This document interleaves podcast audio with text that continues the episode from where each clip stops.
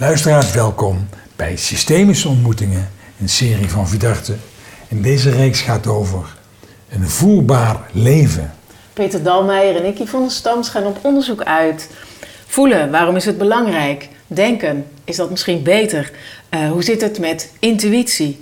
Uh, onze collega's, we gaan ze bevragen. En we willen ook heel graag weten hoe hebben zij nou voelen leren kennen in hun systeem van herkomst en welke weg hebben ze daarin afgelegd. En we openen met een klein liedje Home Again van Michael Kiwanuka, omdat Home Again zo het bij jezelf thuiskomen is. Want voelen is zo wie je zelf bent. Veel plezier met systemische ontmoetingen in voelbaar leven. Home again, home again. One day I know I feel home again. Home again, home again.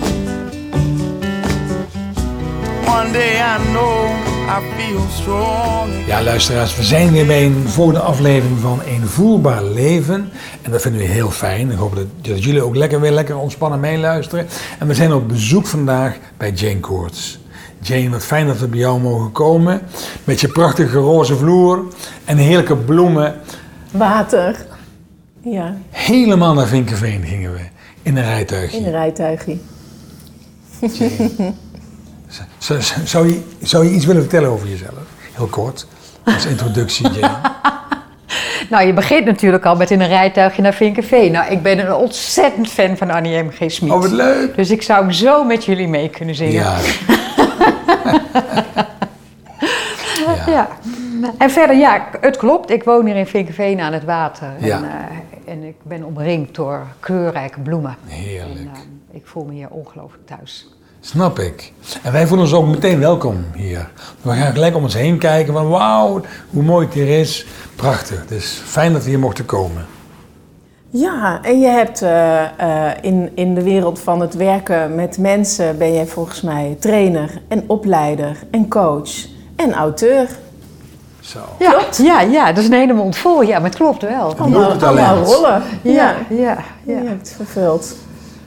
En we hebben het natuurlijk over invoerbaar leven. En, en één vraag die ik gewoon aan je stel is: als je hoort invoerbaar leven, wat gebeurt er dan met jou? Hoe resoneert dat in jou? Dan ben ik me onmiddellijk bewust van mijn lijf, van mijn lichaam. Ah ja. Grappig. Ja. Het is bijzonder wat er dan gebeurt.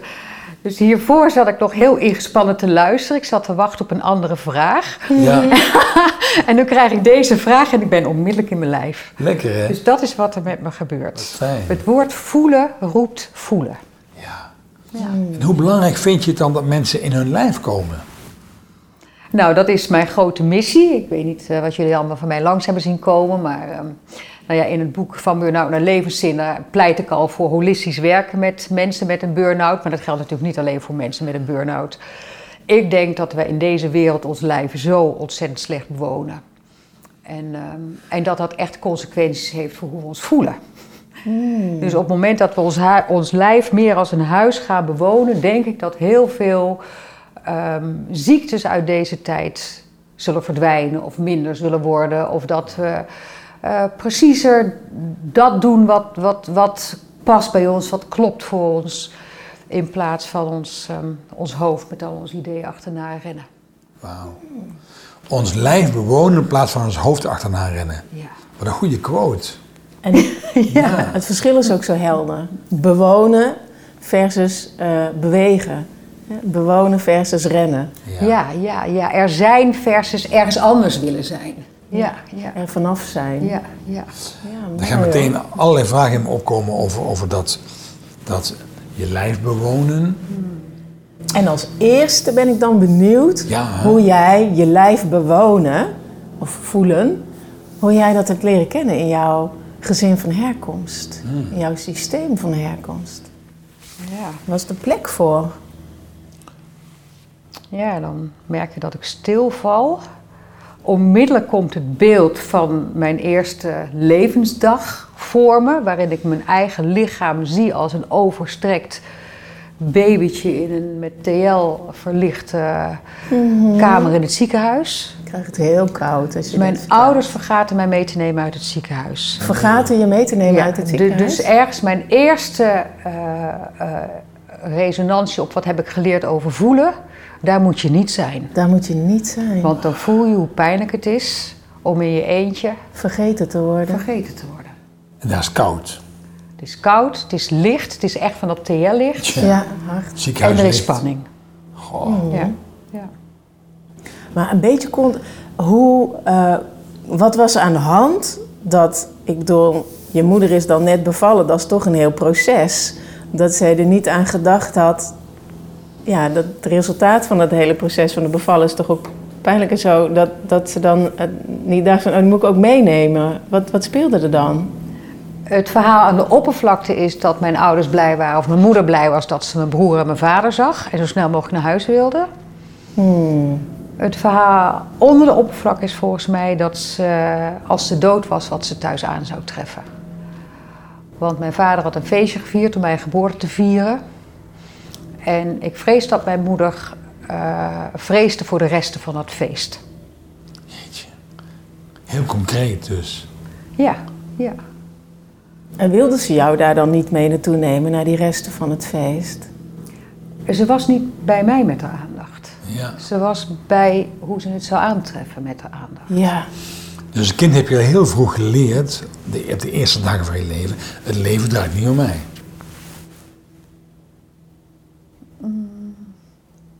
Ja, dat is dubbel, omdat ik zelf wel zo. hè, dus, dus op de polariteit ik en de ander zeg ik altijd: ken ik de pool van het ik beter dan de pool van het ander. Dus ik heb. eh, Wat ik, de boodschap die ik er zelf uitgehaald heb, is: ik moet het zelf doen. Ja. Ja. Ik moet het doen. Ja. Er is niemand voor mij. Ja. Maar dat betekent dus niet van ik doe er niet toe, maar wel er is weinig steun. Hè, dus ik doe er best toe en ik moet het op eigen kracht doen. Ja. En hoe heb je dan het voelen toch, zo zeggen, aangenomen? Inten- ik zit dat intense begin nog even te verwerken. Ja. Wat een, in- wat een intens begin om zo het leven te starten. Ja, dat is het ook. Ja, En, en, en ik merk ook tot op de dag van vandaag heeft het zijn doorwerking. ja, Eh, en natuurlijk heb ik er veel op ge- geklust al. En, Ja. en, ehm, en linksom of rechtsom is dat thema welkom zijn, eh, ja, komt om de hoek zeilen. Ja. Dat Ja. is er heel snel. Maar ik vind je zo'n zo'n heerlijk, transparant, open, vrolijk, uitreikend mens. Ja, ik denk dat dat ook mijn redding is. Ik ben aan de ene kant, natuurlijk heb ik ook mijn introverte kant, maar ik ben ook extravert. En ik heb eh, heel snel geleerd eh, wat de redding van buiten is en wat de redding van natuur is. Dus ik woon niet voor niks op deze plek op aarde, zeg ik dan. Ja, schitterend. Eh, de- dus natuur is voor mij, ehm, ja, dat is een bron van heling en, en een plek om in mijn lijf te komen, om te voelen. Dus ik denk dat ik tot mijn zevende heel veel heb gevoeld. En, eh, en ook de desolaatheid heb gevoeld van het in mijn eentje moeten doen. Hè? Want Ja. dit is één voorbeeld, maar ik kan er nog wel een paar geven. Ja. Ehm, en niet omdat mijn ouders me niet wilden, maar omdat ze in die fase van hun leven zelf ook in een vacuüm zaten. Ja. Ja. En, eh, en dat, dat vacuüm heeft best een tijdje geduurd. Ja. Ja, ze, ze hebben het niet, niet met opzet gedaan, wil je zeggen. Ze hebben het niet met opzet gedaan en ehm, ja, dat was hoe hun leven er op dat moment uitzag. Hè, dus mijn vader met een verslaving, eh, mijn moeder net een moeder verloren, eh, eh, aan de andere kant van de wereld in Australië. Want daar ben je geboren. Daar ben ik geboren. Ja. Had je dan Nederlandse ouders in Ik Australië? heb Nederlandse ouders, ja. ja. En die waren in Australië? Die zijn naar Australië vertrokken in 56 en weer teruggekomen in eh 62. Ja. Oh ja. ja. En toen ben je verder in Brabant opgegroeid. Toen ben ik in Brabant opgegroeid. Ja, daar streken wij neer. Ja. Ja. Wat een blessing, zou ik zeggen. ja, jij misschien wel, maar ik niet. Dat weet Nee, ik. Vandaar dat ik het ook zeg. Ja, dat was echt zo niet mijn plek. Ja. Hoe voelde je dat? Ehm, ja, hoe voelde ik dat? Nou ja, als kind van de natuur kwam ik, uit, eh, kwam ik in een wijk terecht. Die, hè, we waren de eerste bewoners van het huis. Er was geen groen, er was niks. Het enige groen wat er was, was een distelveldje tussen de nonnenschool... waar ik de eerste jaar op gezeten heb, en mijn snap- huis. Ja, dat snap ik. En, eh, en tuintjes met plukjes planten. En ja, vitrage voor de ramen, die altijd maar zo half opzij geschoven Ja. werden als we langskwamen. We waren ook een soort van bezienswaardigheid. Tja. Dus er waren niet veel mensen waar, waarmee ik resoneerde daar. Nee. Dus die, die zijn echt op één hand te tellen. Maar dus het, het eh, gezellige uitgaansleven van Valkenswaard, want- eh, dat was later pas. Dat was in het begin helemaal niet het gevoel van het Nee, ik was vijf toen we daar neerstreken. Dus toen was ik nog niet zo bezig met, eh, met het uitgaansleven. nee. Eh, ja. En later heb ik daar ook maar mondjesmaat gebruik van gemaakt. Ik denk dat ik twee keer carnaval gevierd heb en toen had ik het wel gezien met carnaval. Ja. ja. Ja. Toen was het klaar. En je had het over, eh, als, als kind heb je niet... Eerst was je vergeten, je moeder was bezig met hoe is het thuis, wat tref ik daar aan. En daarna ben je verkast naar een plek waar je niet echt eh, thuis voelde. Ook niet echt welkom. Door de mensen die er al woonden voelde je niet echt welkom. En hoe is dan jouw... Hoe was het dan Ging je daardoor dicht, zou je dat zo noemen? Met het voelen, ging dat daardoor? Nee, ik denk dat ik tot mijn zevende wel de juiste vriendinnetjes om mij heen verzamelde. En een paar daarvan hadden ook moeders waar ik goed mee kon. En, ehm, nee, ik denk, en, en mijn intuïtie is mijn redding geweest. Dus ik had misschien niet dat gevoelsleven ehm, van het hart, maar ik had wel een goed ontwikkelde intuïtie. Ja. En toen ik zeven was, werden mijn twee zussen geboren. En toen veranderde wat. Dus ook in mijn verhaal, ik droomde altijd over elfjes die rond eh, bij de, bij de schoorsteen van meneer Van S. En dat ik zelfstandig in een auto reed. Er was ook altijd zo'nzelfde baan en dat het allemaal zo... Dus ik had een enorme fantasiewereld en een hele sterke intuïtie. Dus ik heb al, zo, zolang ik me kan herinneren, heb ik invallen gehad die mijn gids zijn.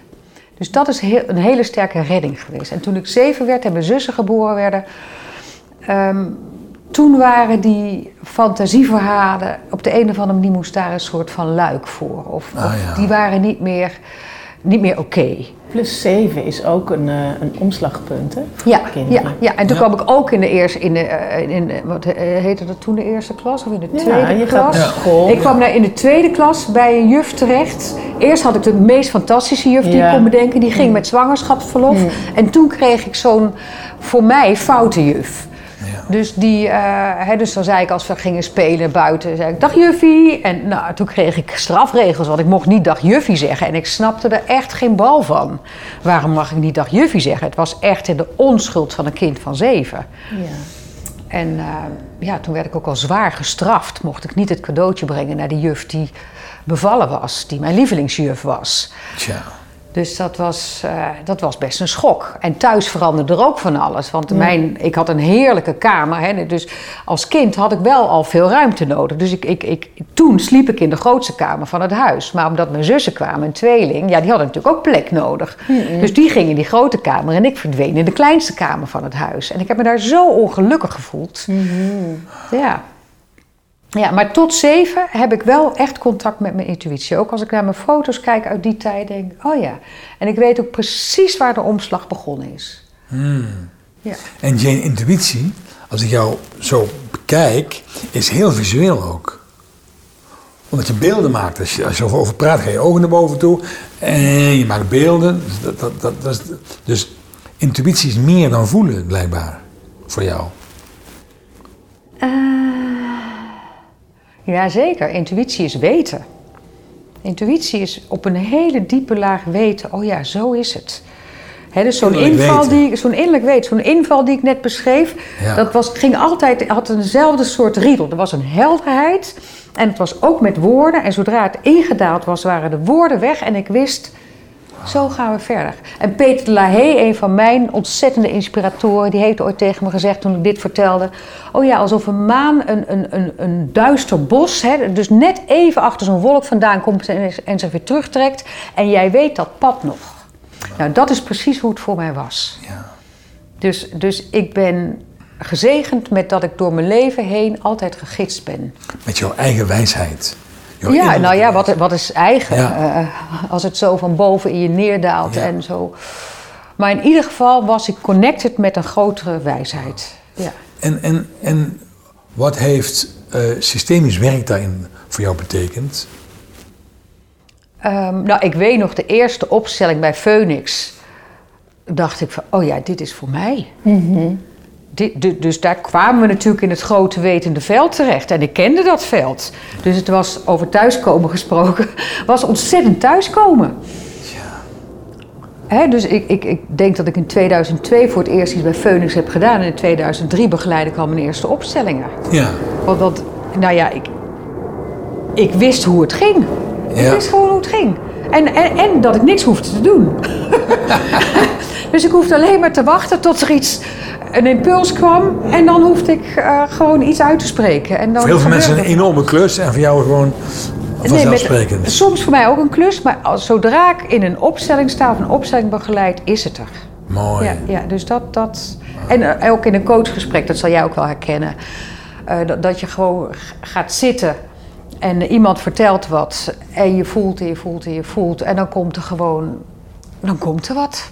Ja, een vraag of een beeld. Vraag, of een, een beeld. Ja, Of precies. deze oefening ga ik doen, of eh, deze vraag ga ik stellen, Ja. of dit is het totaalplaatje, of dit is belangrijk. Ja. En als dan, wa- mag ik heel even iets... Wat ik leuk vind is dat jij zegt, het wetende veld, ja, eh, dit veld ken ik, zeg jij. ja. Eh, wat is jouw visie daarop? Wat voel jij erbij? Ja, voor mij is het, gaat het wetende veld echt zo over. Mm, ehm, ja. Alle kennis over de hele wereld van nu en straks en die, die daarin opgeslagen is. Er, er is een veld voorbij wat onze geest snapt volgens mij, die weet heeft van, van de wereld, van hoe het was, hoe het gaat komen, hoe het zal zijn. Mooi. En, en je maakt zo'n gebaar zo van voorbij wat wij erbij denken. Zoiets. Ja, het, het, het, is voor mij erg verbonden met mijn kruinchakra. Dus ik, ik vermoed ook met mijn begin wellicht. Dat, dat, zeg maar, ik heb natuurlijk een vrij eh, harde crash op aarde gemaakt. En eh, wat ik dan vaker zie, hè, dat kan ook zijn door kinderen die, die gewoon heel snel geboren zijn. Of traumatisch geboren zijn, of wat dan ook. Maar dat zijn kinderen die over het algemeen heel makkelijk weer de weg terug naar het paradijs kunnen, kunnen gaan. En, ehm, en ook systemisch gezien ehm, merk ik dat bijvoorbeeld aan, eh, als, als ik werk met mensen met trauma, dan is het soms heel lastig om te werken al meteen met hun vader en hun moeder. Maar als ik dan werk met de grote moeder, dan kan het wel. En ik weet nog zo de eerste opstelling, die, of een van de eerste opstellingen die Wiebe bij mij begeleidde. Ehm, nou, toen was er ook natuurlijk drama tussen mij en mijn fysieke moeder. En toen bracht hij de grote moeder in. En dat was voor mij zo'n veld van herkenning. Ja. Dus, dat, dat is, hè, dus, dus eigenlijk achter mijn fysieke moeder heb ik wel al, is, is de oermoeder of de grote moeder voor mij wel altijd voelbaar geweest. Ja. Dus Ja. ik heb in de wereld wel ook altijd steun ervaren. Ook al was het niet steun van fysieke mensen. Ja. Dus als ik zeg ik moet het alleen doen, dan heb ik wel eh, de ervaring van gedra- me gedragen te weten. En dat is een, een, een effect ook van je harde smak op aarde. Ik denk dat dat er wel mee te maken heeft. In ieder geval, ik zie daar wel een soort van wetmatigheid in. Mensen die behoorlijk hard geland zijn op aarde, die hebben vaak een makkelijk contact met het grote veld of met de grote wereld Ja. of met het onnoembare of hoe je Ja. het ook noemt. Mooi, Ehm, mooie, mooie constatering. als ik hem heel zwart-wit neerzet, eh, zou je dan kunnen zeggen dat mensen die, die het denken tot hun heiligdom verklaard hebben, dat dat ook een, veel meer een soort afgesneden beweging is in plaats van het voelen, veel meer uh, uh, verbondenheid kent met het grote veld. Heel kort door de bocht, als ik het zo zeg. Ja, dan zou ik toch onderscheid maken dus, tussen denken vanuit de afgesnedenheid, dus waar een splitsing is tussen hoofd en het lijf, en het denken dat verbonden is met het hart en het lijf. Ah, mooi. En dat, dat is ook een, een, een, um, ja, een, een scherpzinnige wijze van denken. Ook vaak, daar zitten ook overwachte wendingen aan. Of, hè, dat is niet het lineaire denken, maar dat is veel meer het, het ja, hoe zou ik dat zeggen, het associatieve denken. Dus dat zijn ook de creatieve geesten. dus ik denk dat dat, eh, als we denken aan Einstein, ik denk dat dat een groot denker was. Ja. Maar wel een denker die zeer verbonden was met zijn hart en zijn lijf. Ja, ja. En dat dat ook maakt dat hij gewoon, hè, dus, dus dan kunnen we wel zeggen, ja, het is een groot denker. Ja. Misschien dat dat kloppender is, in, ook in dit verband, is het is een groot voeler. Een groot voeler, ja. Want ik maak veel mensen mee, en jij ongetwijfeld ook, binnen, binnen uh, bedrijven, organisaties die zo bezig zijn vanuit uh, beheersbaarheid, controle, om hun denken in te zetten, waarbij ze hun hart vergeten. Ja, dus dat is het nauwe denken. Dus hè, dat, dat um, hè, zonder daar een, meteen een orde op te, op, op te plakken. Maar dat zijn wel denkers die het contact met hun hart en hun lijf verloren zijn. Ja. Ja, ja, ja. En daar komt vaak ook de strijd vandaan. Dus dit soort ideeën landen niet omdat ze geen hart hebben. En hoe gebruik jij dan voelen als instrument om mensen vooruit te helpen? Door wat ze zeggen, door mijn lijf heen te laten resoneren. Dus dat zien we nu ook doen. Hè? Dus ik adem het in en ik Ja. voel zo, hé, wat gebeurt er nou van binnen? Ik denk, oh ja. Ja, dus zo kan ik ook tegenover een cliënt zitten. Of zo kan ik ook in een team, in een team zitten. Dan denk ik, ja, even voelen hoor, wat er nou gebeurt. Dat vinden ze vaak in eerste instantie ook wel een beetje raar. Maar als ik ze daarna zelf in een oefening zet waarin ze mogen voelen wat ze bij de ander voelen, wordt het ineens tastbaar. Mooi. Dus, ehm, Ja. ja, dus, dus de vertraging is een hele belangrijke, belangrijk instrument om, om in contact met het voelen te komen. Je leert mensen te vertragen. Ik vertraag zelf. Ja. En dan, eh, dan gaan zij ook vertragen. En ik kan dan ook soms de onrust voelen voor de mensen die zo gewend zijn om in die, hè, de snelheid van het denken te komen. Dus die ga ik uitnodigen om traag te ademen, ja.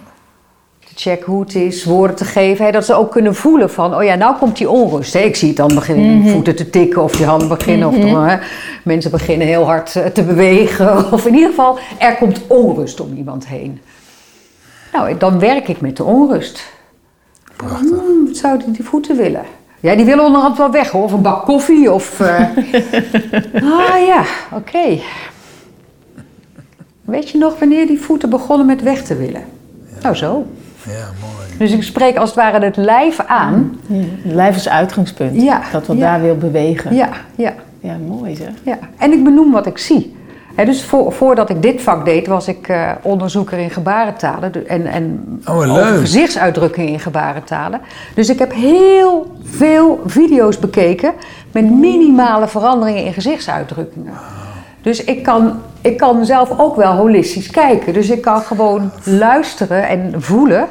En tegelijkertijd kan ik ook gewoon vanuit de periferie zien waar er een voet onrustig wordt. Of ja, waar iemand dun wordt in zijn rug bijvoorbeeld. Dus, dus dan is iemand eigenlijk, is die al vertrokken. Dus di- dit maakt ook dat iemand, hè, Naar als je zo voren de beweging zitten. naar voren, Ja. dat maakt ook dat iemand vaak weg wil bij iets achter zich. Dus dan weet ik, oh ja, dat dat vertragen en dat rust nemen en echt even kouwen op, hé, wat gebeurt hier nou? Dat zijn we niet zo gewend. Er roept iets op. Ja, ja, En ja, onder die eh, fysieke onrust zit nog weer iets anders. precies. Daar Ja. ben jij waarschijnlijk ook bekend mee. Absoluut. Ja. En ook met die fysieke onrust, daar ben ik ook bekend mee. Want ik wilde natuurlijk ook eh, eh, vooral weg bij waar ik vandaan kwam. Dus, Uit, uitte zich dat in heel veel dingen doen, dat zie je vaak. steeds bezig zijn. Ja. ja, ja, ja. Dus ik had een buurvrouw en die kon gewoon op de bank zitten, een kopje thee drinken en voor zich uitstaren. Mhm. Ik dacht, hoe doet ze dat? Hoe doet ze dat? Want als jij eh, met de billen de bank aanraakte, dan was je alweer eh, weg. Dan had ik gedachten of dan had ik, maakte ik plannen of ja, ja, ja, ja. En wat zit daar dan, wat zit er dan onder, onder die onrust? Hoe zou jij dat eh, beschrijven, benoemen? Ja, ik denk, kijk, ik ben natuurlijk als kind, vanaf de geboorte ben ik in een soort van alertveld terechtgekomen. Wat gebeurt hier? Hè? Met een vader met een alcoholverslaving, een moeder die eigenlijk ook in de rouw Mhm. was, eh, zonder dat ze naar haar moeder had kunnen gaan toen die begraven werd.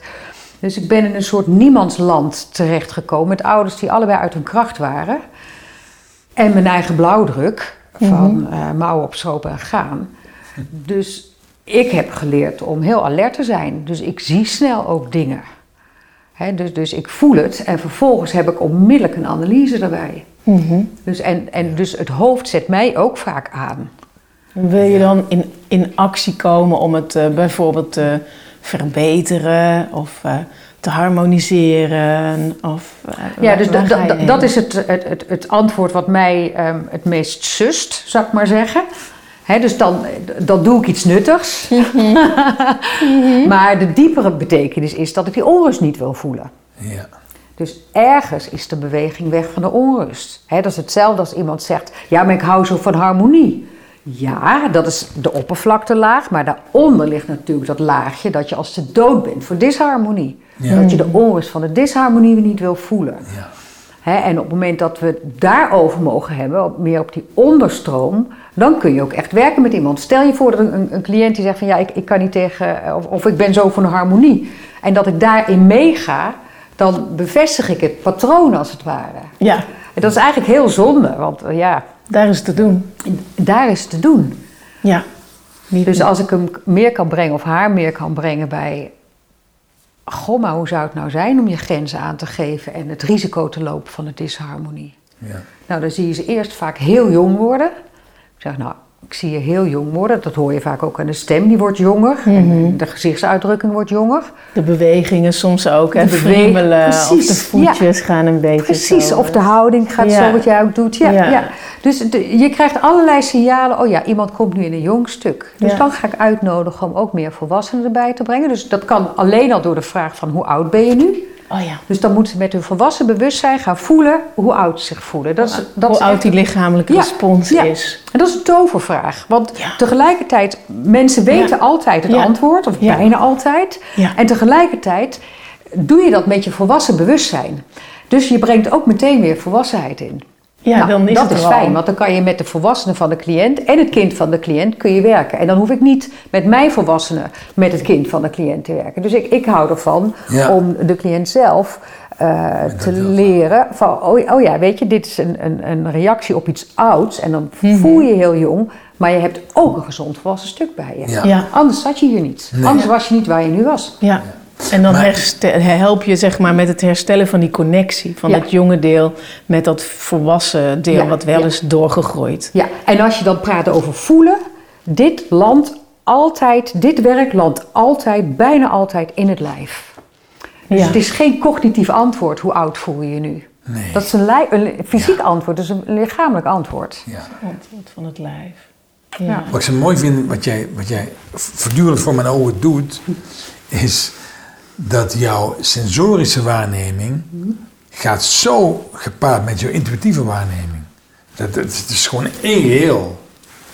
Ja, dat denk ik ook. Het Ja. is prachtig om te zien hoe je dat doet. Dus het heel gefascineerd naar je te kijken. En kennis. Vergeet Ja, ja, nee, niet dat natuurlijk. Jane Ja, ook ja. put uit, een, eh, uit veel kennis. Mooi. Over bijvoorbeeld Dus- trauma, hè, hoor ik jou dan eh, vertellen. Het is mooi voor onze luisteraars om te beseffen dat je zintuigen en je lijf gebruiken als, ah, als bron van je intuïtie. Als je dat met elkaar kunt verbinden, haal je het optimale uit jezelf. Ja. En dat ontslaat je nog niet van inderdaad zorgen dat je ook de kennis hebt. Weet waarover je het hebt. Ja. Ja. Dat, dat, dat hoeft niet te betekenen dat je iedereen begeleidt in modelletjes. Dat is een misvatting. Maar als je de kennis hebt, kun je dansen met de kennis. Hmm. En dan kan je het veel makkelijker. Hè? Dus dan, dan kan het door je lijf gaan en dan komen de juiste invallen. Ja. Klopt. Dansen met de kennis. Ja, Want de invallen komen ook gerelateerd aan hoe jij de wereld kent. De, de, net net een, een boeddhistisch ingestelde persoon ziet eerder een verschijning van Boeddha en een christelijk ingestelde persoon ziet eerder een verschijning van Maria. Omdat dat de wereld is zoals zij die kennen. ja. En dan is het bij allebei een eh, bijvoorbeeld spirituele betekenis, hè, zou kunnen. Alleen de een heeft daar een ander eh, eh, visioen bij, een Ja. andere wereldbeeld of denkbeeld. Eh, maar het betekent dan hetzelfde, maar het komt dan in tekens die je kan verstaan. Ja, ja, ja. En het andere is ook waar. Dus ik heb ook wel reizen gemaakt naar andere dimensies. En dan staat Maria Magdalena ineens voor me. Of er staat Kuan Yin ineens voor me. Zonder dat ik ze ooit ontmoet heb. Zonder dat ik echt uit die... Ja, ik, ik ben natuurlijk wel katholiek opgevoed. Maar ik heb niet echt een katholiek leven geleid, zou je kunnen zeggen. En toch... Dus dat is ook weer meer het grote veld, denk ik dan. Ja. Dus, dus ergens verschijnen zij aan mij... omdat ze wel ergens... In eh, jouw leven al. aanwezig zijn in het grote veld en ik daar contact mee heb. Ja. Dus, dus dat is niet per se door het verhaal hier Wat op je al aarde. kent. Ja. Dus da- daar, daar voorbij zeg jij, ook als je een bepaald verhaal kent, hoeft het niet zo te zijn dat eh, jouw intuïtie altijd iets is wat je verhaal versterkt of bevestigt of eh, daaruit voortkomt. Je kunt ook uit andere tradities dingen zien. Zo Ja, bedoel ja. jij Je persoonlijke verhaal heeft niet per se altijd een haakje met het beeld dat komt. Het Mhm. kan ook zijn dat het grotere veldverhaal Ja. eh, haakt aan het beeld wat komt. En Ja. het kan niet anders zijn dan, Jane, dat je altijd vertrouwt op wat je lijf je aangeeft. Nou, altijd is niet een. eh, Nee. Ehm, ik kan wel zeggen, mijn lijf geeft wel altijd in een split second de juiste informatie. En ik luister niet altijd. Ja. Dus ik heb in Apkoude gewoond. Na de scheiding kwam ik in een huis wonen. Toen ik daar binnenkwam, dacht ik, niet mijn huis. Maar ehm, er waren allerlei tekenen dat het best mijn huis kon worden. En een bevriende ehm, bouwer die zei van... nou, dit is echt het beste huis in heel Apkoude voor deze prijs. Ik zeg doen. En ik heb het gedaan. En achteraf heb ik echt zo spijt gehad. De keerzijde is, ik had niet gewoond hier waar ik nu woon... als ik die Dat ellende niet had meegemaakt. Toen niet had gekocht. Want de huizenprijs ging stijgen zeker. Wat bedoel je dan? Blijf die maar klaar. Nee, nee, nee, nee. Ik had buren die mij niet wilden, maar dat ging helemaal niet over mij. Ze, mochten ook, eh, ze wilden ook die voorgaande buren niet. Het waren gewoon buren die hadden strijd met buren. In dat huis waar ik terecht kwam. En ze zetten met mij de strijd voort. Tja. Dus, en en zo- zo'n onpersoonlijke strijd, die kan je never nooit winnen. Nee. Dus ik kwam daar weer langs mijn welkomverhaal. En, en daarvan heb ik wel gedacht van, en ik, hè, ik kan het nog in mijn lijf voelen als ik eh, me herinner dat ik daar over de drempel ga. De allereerste keer dat mijn hele lijf zegt nee. Nee. En ik heb het toch gedaan. Ja. Daarmee Dus ik- zeg ik, je ik voel het wel, maar ik luister er niet altijd naar. Dus, dus het- het is er altijd, alleen je moet er naar leren luisteren. Ja, wat, wat, mensen ook wel zeggen over intuïtie is dat het een zachter geluid geeft dan bijvoorbeeld het geluid van je verstand. Het praat wat harder, het klinkt wat harder door, het is wat makkelijker te volgen, beter te begrijpen. Ehm, ja, het klinkt letterlijk wat harder. Zoals je Ja, ja. het- en we zijn natuurlijk ook mens van deze tijd. Dus op de een of andere manier ontkom ik er ook niet aan dat ik van tijd tot tijd die ratio een veel grotere rol geef Ja. Dan goed is voor me of dan kloppend is in de realiteit. En, en wat, ik, wat ik ook wil halen uit je voorbeeld is dat je zegt... ehm, zo leer je eh, je intuïtie ook kennen. Dus door je terug te herinneren van... wat voelde ik nou eigenlijk toen ik daar de eerste keer binnenkwam... en wat is er nu eigenlijk ehm, op de lange termijn gebeurd... en dan, dan kun je met terugwerkende kracht weten... ik had het eigenlijk al kunnen weten. Ik had het eigenlijk al gevoeld. Ja, zo is het. Zo, zo Ja. zou je een, een spoor kunnen leggen voor als je nog helemaal niet bezig bent met intuïtie, intuïtie te volgen. Zo, van, zo zou je het kunnen leren kennen ook. Zeker. Als een manier. Ja, ja, ja. ja achteraf. Ja, helemaal mee eens. Ja, ja, ja. Ik zeg ook vaak als, als mensen een oordeel hebben over andere mensen... of als er iets gebeurt of, of dat, als er een gedachte komt... dan help ik ze terug te gaan naar wat gebeurde nou vlak voordat die gedachte kwam. Want ze denken dat komt uit mijn brein... maar heel vaak zit er een gevoel, ligt er een gevoel... Eh, dat primair is, er primair een gevoel. Is een gevoel. En, secundair, en die triggert de gedachte. Maar dat gaat zo snel... Um, ja, dat, dat, ze alleen de gedachten herinneren en niet meer het gevoel. Dus, dus om in die gevoelswereld te komen is dit ook een mooi trapje. En dat weten ze dan nog vaak niet. Zeg ik, sluit je ogen maar, ga met je aandacht naar binnen. Voel eens in je lijf. Waar voel je ergens nog een soort van draad van die spanning die je denken getriggerd heeft? Of je, en dan de ene keer gaat het wel, de andere keer gaat het niet. Maar dit zijn wel de ingangen om mensen ja, dichter bij een gevoelswereld te brengen. Dus welke sensatie in je lijf zet een gedachte aan? Ja. Dat is wat je zegt. Ja, ja. En, en ik hoor ook wel iets wat van... Wat is de trigger? Ja. ja. Voelen komt eerst en denken komt uh, tweede. Ja, dat, dat is mijn diepe overtuiging. Ik weet dat er boeken volgeschreven zijn die tegenovergestelde beweren. Ik geloof het niet. Heerlijk! Lekker authentiek. Nou ja ik, ja. ik moet het natuurlijk ook hebben van dit lijf. En, en, ja. en maar je gelooft het niet omdat je lijf iets anders aangeeft. Ja, mijn ervaring je is hoofd echt fundamenteel lijf anders. Ja. ja. ja. Maar nou ja, ik, ik vind het mooi dat het gesprek wat we hiervoor hadden met, met iemand die zei... Uh, voelen is wie je bent. Dus voelen is jouw zijn.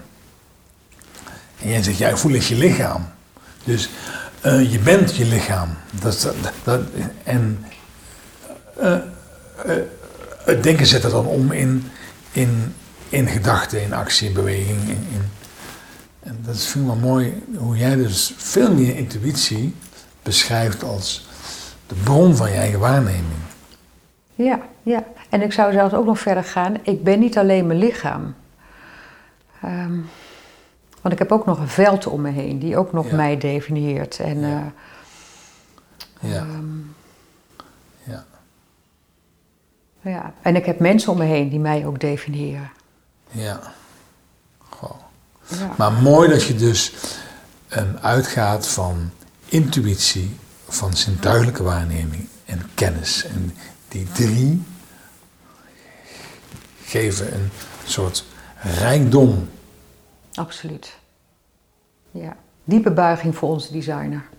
Oh, wat ja, mooi. Die, die, heeft dat echt zo prachtig uh, bedacht. Ja, zelfs als ze mogen, aan, aan, het mopperen zijn over ons lot. Maar we hebben lot nodig, en zeker mopperlot nodig, om verder te groeien. Ja. Ja, ja. Ja. En jij zegt, ik ben connected met de mensen om me heen die definiëren mij. Uh, ik ben zelf connected met een veld, wat bij jou hoort specifiek. Ik heb jou ook horen noemen.